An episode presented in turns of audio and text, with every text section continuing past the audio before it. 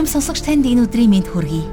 Библийн хуудасаар радио цаураар нэвтрүүлгийн нэгэн шинэхэн дугаарыг хүргэхэд бэлэн боллоо.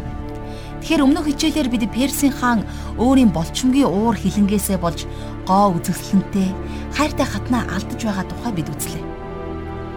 Энэ хатан нь дуулуургүй байдлаасаа болж хатны суудлаасаа буулгагдан унсан. Тухайн үед болсон зүйл орчин үед ч гэсэн бидний амьдралд ч гэсэн тохиолддог. Тиймээс энэ үйл явдлаас бид амьдралд юуг хэрэгжүүлж сурч болох вэ гэдгийг олж харах нь зүйтэй. Өнөөдөр бид үргэлжлүүлэн Эстер номынхоо 2 дугаар бүлгээс уншиж судлах болно. Энэ бүлэгт хатан сонгох шалгаруулт болдог. Хэдийгээр тухайн үеийн эрх мэдэлтэй нэгэн хааны сүр дуйлянтай хууль шийдвэрийн үр дүнд хийгдэж байгаа нэг зан үйл хэдий ч гэсэн цаана нь бурхан ажиллаа хийж байна. Учир нь бурхан энэ дэлхийн бүх зүйлсийн дээр бүгдийг удирддаг нэгэн. Сургаалт үгсдэр нэг ийм гайхамшигтай ишлэл байдаг. Хааны зүрх эзний моторт атгаастай байдаг. Амен. Тэгэхээр үүгээр дамжуулан бид сүүдэртэн ч гэсэн бурхан биднийг хайрлан хамгаалдаг. Анхаарлаа тавьж халамжилдаг гэдгийг бид олж харж байна. Ингээд зүрх сэтгэлээ нээлттэй байлгаж эзний бидэнд хандан хэлэх үгийг хүлээн авч сонсцгоё. Харин өнөөдрийн хичээлтэй холбоотой асууж лавлах магадгүй эзэн таны зүрх сэтгэлд таны амь амьдралд ирсэн онцгой нэгэн гайхамшигтай илчлэлт, илэрхийлтүүд, гэрчлэл байгаа бол та бидэнтэй утсаар болон мөн имэйл хаягаар заавал холбогдорой. Ингээд хамтдаа энэ цагийг бурхандаа даатгаж эзний өмнө залбирлаараа очицгоё. Оргийн хоосноос орчлон ертөнцийг бүтээсэн гайхамшигтай бурхан аав минь таньда талархан залбирч байна. Бурхан минь ээ, бид энэ цаг мөчийг таньдаа өргөж байна. Үгийн тань өмнө бид зүрх сэтгэлээ нээн ирж байна.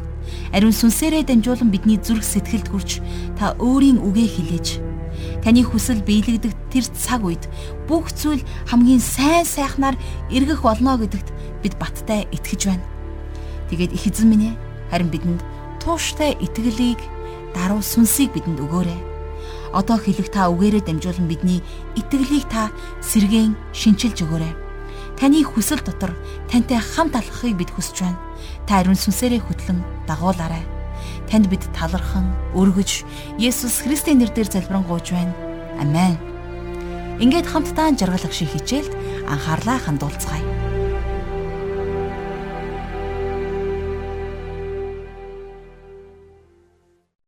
За өмнөх хичээл дээрээс бид Гисеркс хаан хэрхэн зарлаг буулган өөрийн хатан Ваштыг хатных нь суудлаас нь буулгасан тухай хамтдаа үзсэн. За тэгвэл өнөөдөр Эстер номынхон 2 дугаар бүлгийг хамтдаа эхлүүлээд за 1 дугаар ишлэлээс энэхүү үйл явдлыг үргэлжлүүлэн судлая. Эдгээр зүйлсийн дараа хаан Ахишверошийн уур хилэн намтахад тэр Ваштыг болон түүний юу хийснийг мөн түүний эсрэг ямар зарлиг гаргаснаа санав. За эдгээр зүйлсийн дараа гэж 2 дугаар бүлэг эхэлж байгаа. За тэгвэл эдгээр зүйлс гэж яг юу хэлж байна вэ? Юу болсон юм болоо гэж тийм ээ. За мэдээж өмнөх бүлэгт болсон үйл явдлын дараагаар гэсэн үг. Дээрэс нь грекийг эзлэх аян дайнд бүрэн ялагдсныхаа дараа гэсэн үг. Ахишврош хаан аян дайнаас ялагдж ирээд ордондоо маш их гутралтай байдаг. Ядж байхад хатны хажууд нь байдаг. За нэгэнд гаргасан зарилгийг хаан өөрөө ч буцааж болохгүй байсан. А гэтэл Вашти дахин хизээч хатан байх боломжгүй болсон байна. За Библиэлд энэ тухай гардггүй ч гэсэн за түүхэнд болвол Кисеркс буюу Ахишвирош хаан Феромпискийн хөндөд Гректэй байлдсан байдаг. За Персийн айрам цэргийнхаа тоогоор их байсан ч гэсэн нэг бүр нь Грекийн цэрэг шиг бэлтгэгдэг байсан. За харин грекүүд бол маш сайн бэлтгэгдсэн айран байсан болохоор за нэг цэрэг 10 перс цэрэгтэй тулалдаж байсан байна. За ингээд харамсалтай нь Кисеркс хааны хувьд ялагдал хүлээсэн.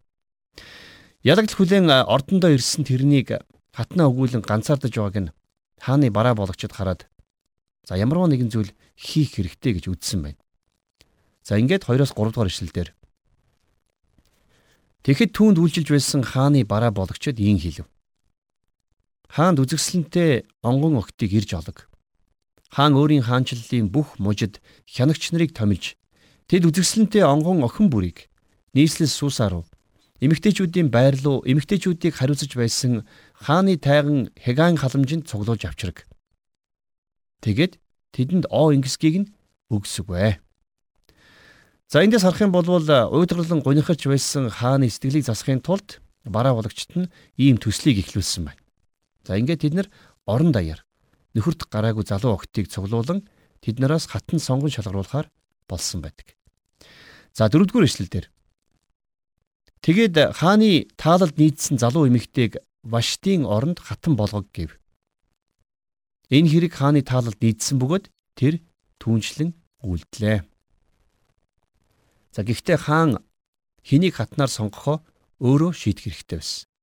За 5 дугаар ишлэл дээр нийслэл Сусад Биньямин хүн Кишийн хүү, Шимегийн хүү, Яарын хүү Мордихай хэмээгч нэгэн Юудэ хүн байлаа гэсэн байна. За яг энэ хэсгээс Эстер бүсгүйгийн түүх эхэлдэг юм. Энэ хүртэл хааны ордонд ямарваа нэгэн сүнслэг зүйл болдоггүй. Өмнө нь хүлчүрхсэн их найр болж байсан тэр ордонд бурхан одоо харин өөрийнхөө ажлыг хийх гэж байна. За бурханы ажлыг бид нэр яг эндээс олж харах болно. Бурхан болох гэж байгаа үйл явдлыг найруулан тэгээд цаг нь ирэхэд өөрийнх нь ард түмэн болох еврейчүүдийг аврахын тулд энэ ажилд оролцох хин нэгнийг одоо бэлдэхээр төлөвлөсөн байна. Тэгвэл бурхан мисийн тэмцээнийг дэмждэг юм байна гэж хин нэг нь хэлэх байх. За би хувьдаа тэгж хэлмээргүй байна. Харин гол нь бурханы хүүхэд түүний хүслээс гажин алхах үед бурхан сайшаадгүй ч гэсэн олон зүйл тэрний амьдралд болж өнгөрөхийг зөвшөөрдөг. Тэгээд тэр үйл явдлуудаар дамжуулан бурхан өөрийнхөө хаанчлалыг тэлдэг юм. Бурхан бүгдийг захирдаг юм байна гэдгийг та бид нар өнөөдрийнхөө хичээлээс суралцах болно. Өнөөдөр олон Христ итгэлтнүүд Бурхны хүслийн дотор байхгүй байна. Нэггээр хэлэх юм бол тэд нар Бурхны хүслээр алхахгүй байна. Гисэн хэдий ч гэсэн Бурхан өөрийнхөө аврал хамгаалтаараа тэд нарыг замчлан дагуулсаар л байдаг. За тэгвэл Эстер бол энэний тод жишээ байсан. За дээр ишлэлдэр Мордехай гихч хүний нэр гарч байна тийм ээ. Тэгэхээр Мордехай гихч Биньямин овгийн нэгэн хүнээс энэ хүү түүх эхэлж байгаа. За энэ хүн ингэхэд энэ Персид одоо юу хийж байсан болоо гэж зарим нь асуух баг. За тэгвэл энэ тухай 6 дугаар эшлэл дээр ингэж бичсэн байна. Тэр нь Вавилоны хаан Небухиднецарын цөлсөн Юдагийн хаан Екониатай хамт цөлөгдсөн олзлогдохстой цуг Иерусалимаас цөллөгт ирсэн хүн юм а гэж. За бурхан Исаягаар дамжуулаад Евдэчүүдийг их нутагта бусаж ирнэ гэдгийг зөгнөн хэлүүлсэн байдаг. За Персийн хаан Кореш зарлиг гарган Израильчуудыг гэрлүүгээ буцахыг зөвшөөрдөг.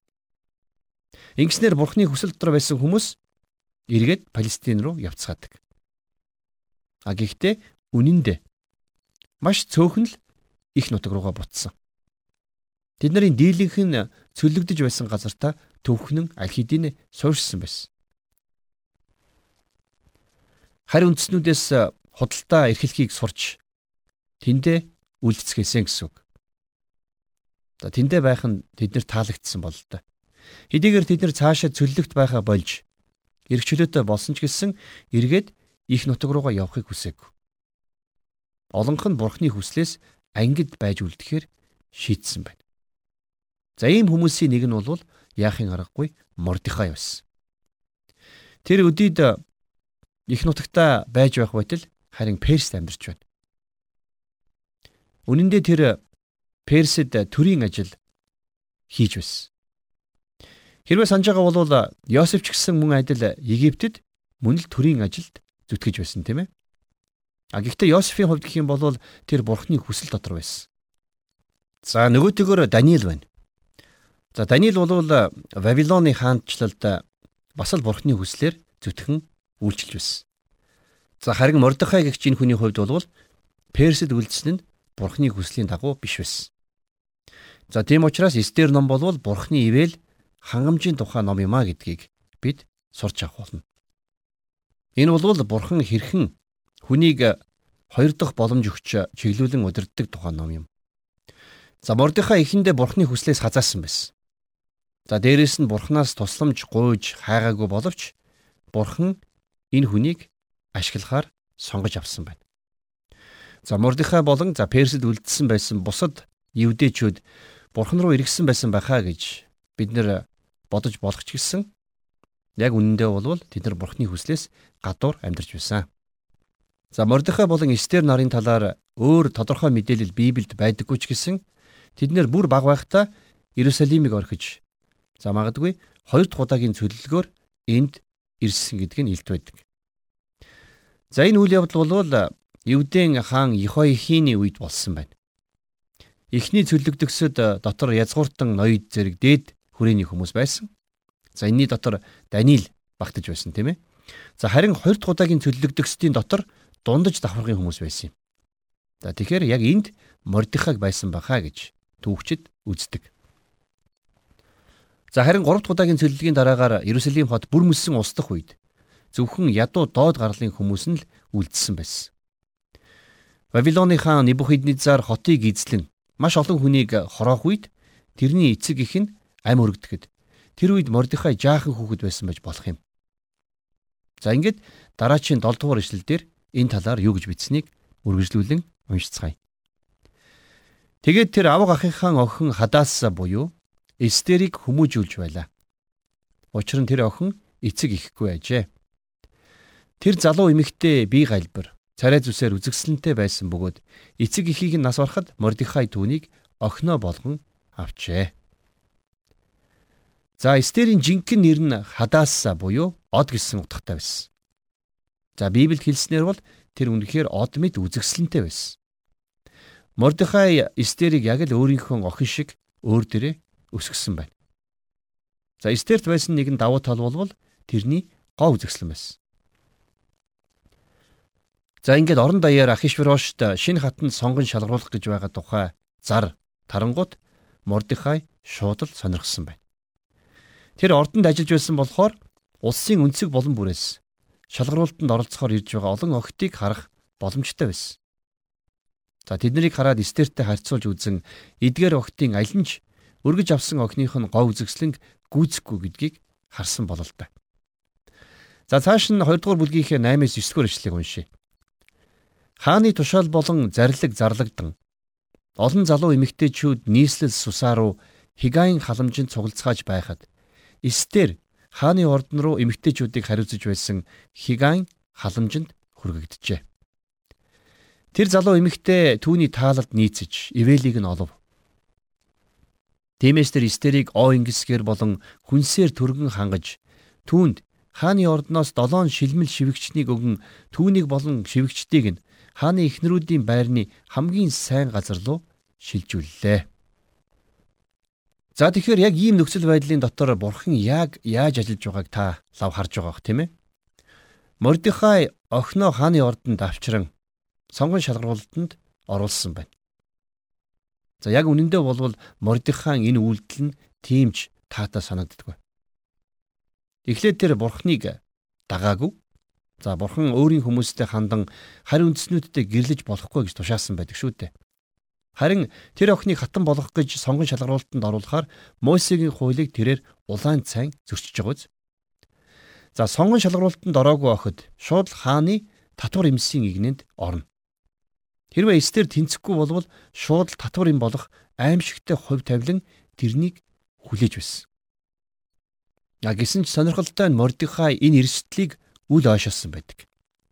Тиймээс бурхан энэ нөхцөл байдлыг гартаа авч эхэлсэнийг та харж байгаа бах. За Эстерийг хааны ордонд авчирдаг. За тэгээд октоодыг хариуцж байсан Хигай даамалд Эстер маш их таалагдсан байна. Тийм учраас тэрнийг улам хөөрхөн үзэсгэлэнтэй болгоход хэрэгтэй бүх зүйлсээр хангаж сайн хандаж эхэлсэн. А гэхдээ Эстер тэр нутагт болвол харь үндэстэн байсан гэдгийг санах хэрэгтэй. За 10 дугаар ишлэл дээр. Эстер өөрийн ард түмнээч садан төрлөөч илчилсэнгүй. Учир нь Мордехай түүнд тэднийг илчилж болохгүй хэмээн загчээ. За яг үний эрэхтэй бол Персийн хаант улсад евдээчүүд цөөнхөн байсан тийм ээ. За бас энэ үндэсний эсрэг гадуурхал байдаг учраас Мордехай Эстерт гарал угсаага дэлгэхгүй байхыг сануулсан байна. За гарал үүслээ нууснаар итгэл бишрлээч гэсэн үгүйсгэсэн гэсэн үг. Энийний адил Бурхны хүслээс гадуур амьдардаг хүмүүст өөрийн Христэд итгэх итгэлийн талаар гэрчлэн ярих зүйл тун баг байдаг шүү дээ. За 11-р эшлэл. Тэгэд Мордехай өдөр бүр хааны эхнэрүүдийн байрны хашааны өмнөр Эстерийн ямар байгааг болон юу болж байгааг мэдэх гэж урагшаа хойшоо холигддог байлаа. За. Хүн бурхны хүсэл дотор байгаа болвол бүх зүйл эцэстээ сайн сайхны төлөө байдгаа гэдэгт итгэн сэтгэл төвшин байж болно. Харин Мордхай бурхны хүслээс гадуур байсан учраас амьдрал нь амар тайван байгаагүй. Яах бол гэж төгшин ордны гадна нааш цааш холхиж байсан байна. Яагаад гэвэл тэр аимшигтай алдаа гаргаж Эстерийг шалгаруулалтанд оруулсан байх вэ хэмээн санаа нь зовж байсан. Үнэн дээр бол тэрнийг өөрийнх нь мэс чанар зулгааж байсан тийм ээ. За тийм учраас тэр хийсэн зүйлдээ айж шүнч тайван унтаж чадахгүй байсан. Хэрвээ та Бурхны хүслийн гадна талд байгаа бол өөрийнхөө герт санаа амар суун бүх зүйл сайн сайхан болно гэж хэлж чадахгүй шүү дээ. Тэгэхээр яг энэ үед Мордехай ингэж бодох нь байтугай Бурхны гарт даадах тухай бодоочгүй байх. А гисэн ч Бурхан энэ бүх нөхцөл байдлуудыг өөрөө хянаж байсан. Тэгэхээр Бурхны ивэл нэгүсэл гэдэг бол хүн өөрийг нь дагаж алахгүй байсан ч гэсэн Бурхан өөрийнхөө гайхамшигтай арга замаар тэр хүнийг удирдахад оршдог юм шүү дээ. Бурхан энэ нөхцөлд анханасаа хөдөлж эхэлснийг бид нар харж байна. Эстер шууд хамгийн сайхан байранд байрлаж тэдний тааллыг олж хамаг анхаарал халамжийг хүртсэн нь зүгээр л нэг санаандгүй хэрэг байгаагүй. Мэдээж бурхны хувьд санамсаргүй тохиолдол гэж хизээч байдгүй юм аа.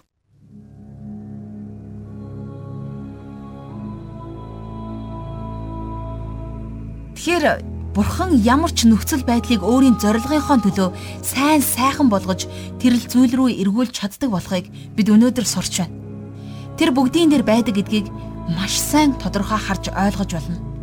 Мордихай өөр зориг агуулan ордонд Эстерийг оруулах гэж оролддогч Бурхан энэ явдлыг өөрийнхөө зорилгын төлөө сайнаар эргүүлнэ гэдгийг тэр төсөөлөжгүй байх.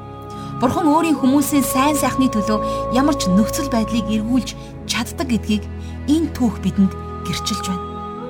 Тэгэхээр түр амсхийгээд өнгөрсөн магадгүй одоо болж байгаа нөхцөл байдлаа тунгаан батцгаая. Магадгүй заримдаа бидний санаатай болон санаандгүйгээр хийсэн алдаа зөрчлийнхөө ур уршигыг бид хүртээд бид цөлөөр тэнүүчилж болох юм. Бид тарчигхан амьдарч байж болох юм.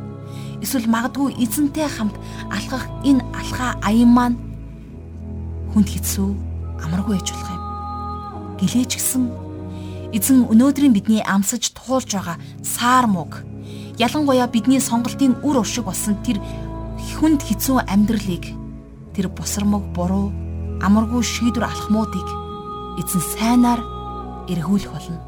Амен. Та эзэн бурханд итгэдэг шиг түүний энхүү ажиллах арга зам механизмд та түүний энэ системд тогтолцоонд түүний энэ гайхамшигтай логикт түүний энэ арга зам эзэн бурхны гайхамшигтай мөн чанарт итгээсэй гэж би хүсэж байна. Тэгэхээр бид үүнээс л Эстер номын өнөөдрийн энэ бүлгээс гайхамшигтай урам зоригийг авч хүнд хэцүү асуудал бүрээ Бурхан миний төлөө сайн сайхнаар энэ бүхнийг эргүүлж чадна шүү дээ гэж бат итгэх хэрэгтэй. Цаг нь болохоор бүх зүйл сайн сайхнаар эргэх болно. Энэ тухай шинэ гэрээнд Паул Ром номынхоо 8-ын 28 дугаар бүлэгт ингэж хэлсэн байдаг.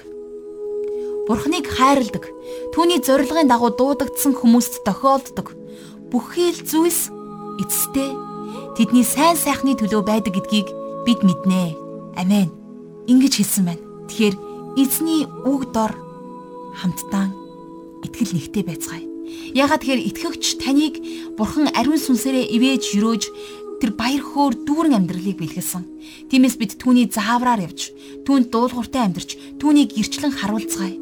Бурхныг хүлээн авч аврагдаагүй хүмүүст сайн мэдээг итгэлтэйгэр түүний сүнсээр тунхаглацгаая.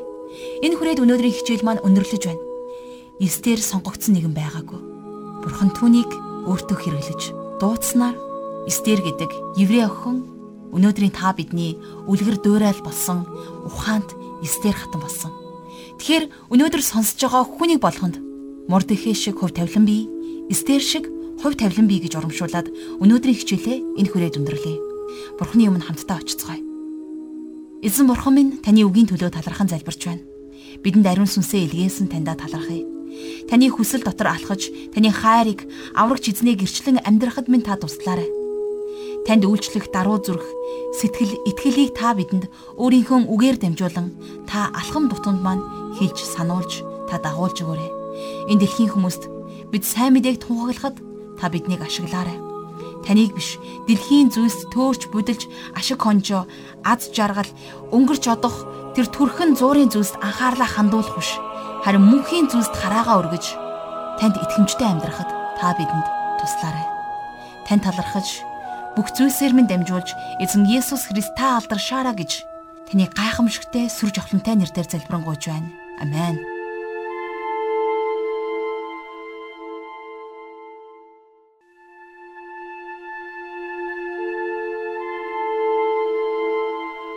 Библийн боловсрол олгох. Библийн хуудасаар нэвтрүүлэг танд хүрэлээ. Нэвтрүүлэгтэй холбоотой санал хүсэлтээ 8085 99 тэгтэг дугаард ирүүлээрэй.